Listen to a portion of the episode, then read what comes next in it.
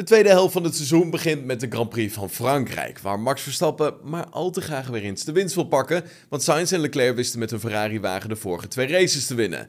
Maar goed, met de betrouwbaarheid van de Scuderia dat nog steeds een zorg is, en Mercedes die in de lift zit, is dit wat je kan verwachten van de Grand Prix van Frankrijk.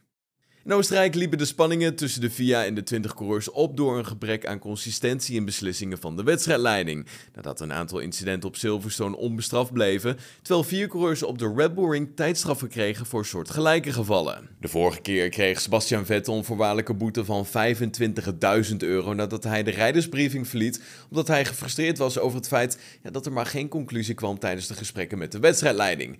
Ja, met de hoeveelheid uitloopstroken op Paul Ricard zal dit waarschijnlijk wel weer een dingetje gaan worden.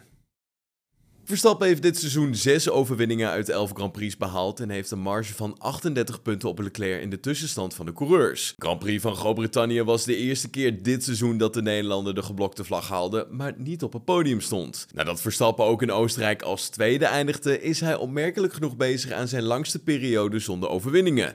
Maar goed, de Red Bull coureur heeft vorm in Frankrijk nadat hij in 2021 al eens op het podium stond. Ferrari won voor het laatst op deze locatie op toch wel een veel kortere layout met Prost in 1990 en wil uiteraard afsluiten met een mooie streak. Echter, Verstappen zal erop gebrand zijn om weer eens de winst te pakken. Mercedes heeft dit seizoen zeven keer op het podium gestaan. Ze hebben duidelijk vooruitgang geboekt bij het oplossen van het porpoising-probleem, maar heeft uiteraard ook kunnen profiteren van de problemen bij anderen, zoals bijvoorbeeld in Oostenrijk. Daar zorgde de brand van Sainz ervoor dat Lewis als derde binnenkwam. Red Bull had aan het begin van het seizoen veel problemen, maar die lijken dit steeds meer onder controle te krijgen.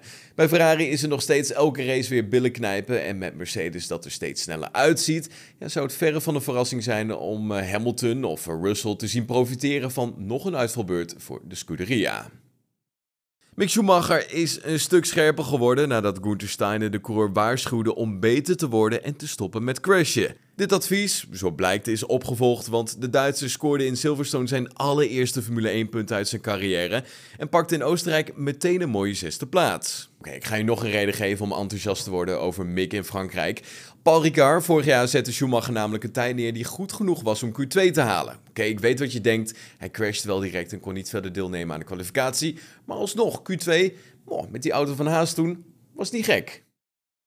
Met nieuwe races in Miami, Las Vegas, Qatar en eventueel dus ook Zuid-Afrika en een terugkeer naar China voor tenminste één race, bevindt Frankrijk zich in hetzelfde schuitje als Monaco en België als de Grand Prix die kunnen worden opgeofferd om ruimte te maken. Ja, Paul Ricard mist inderdaad de glamour als je het vergelijkt met andere locaties. En het saaie circuit laat eh, veel te wensen over als het op racen aankomt. Maar Frankrijk is toch wel een beetje het hart van de Grand Prix evenementen.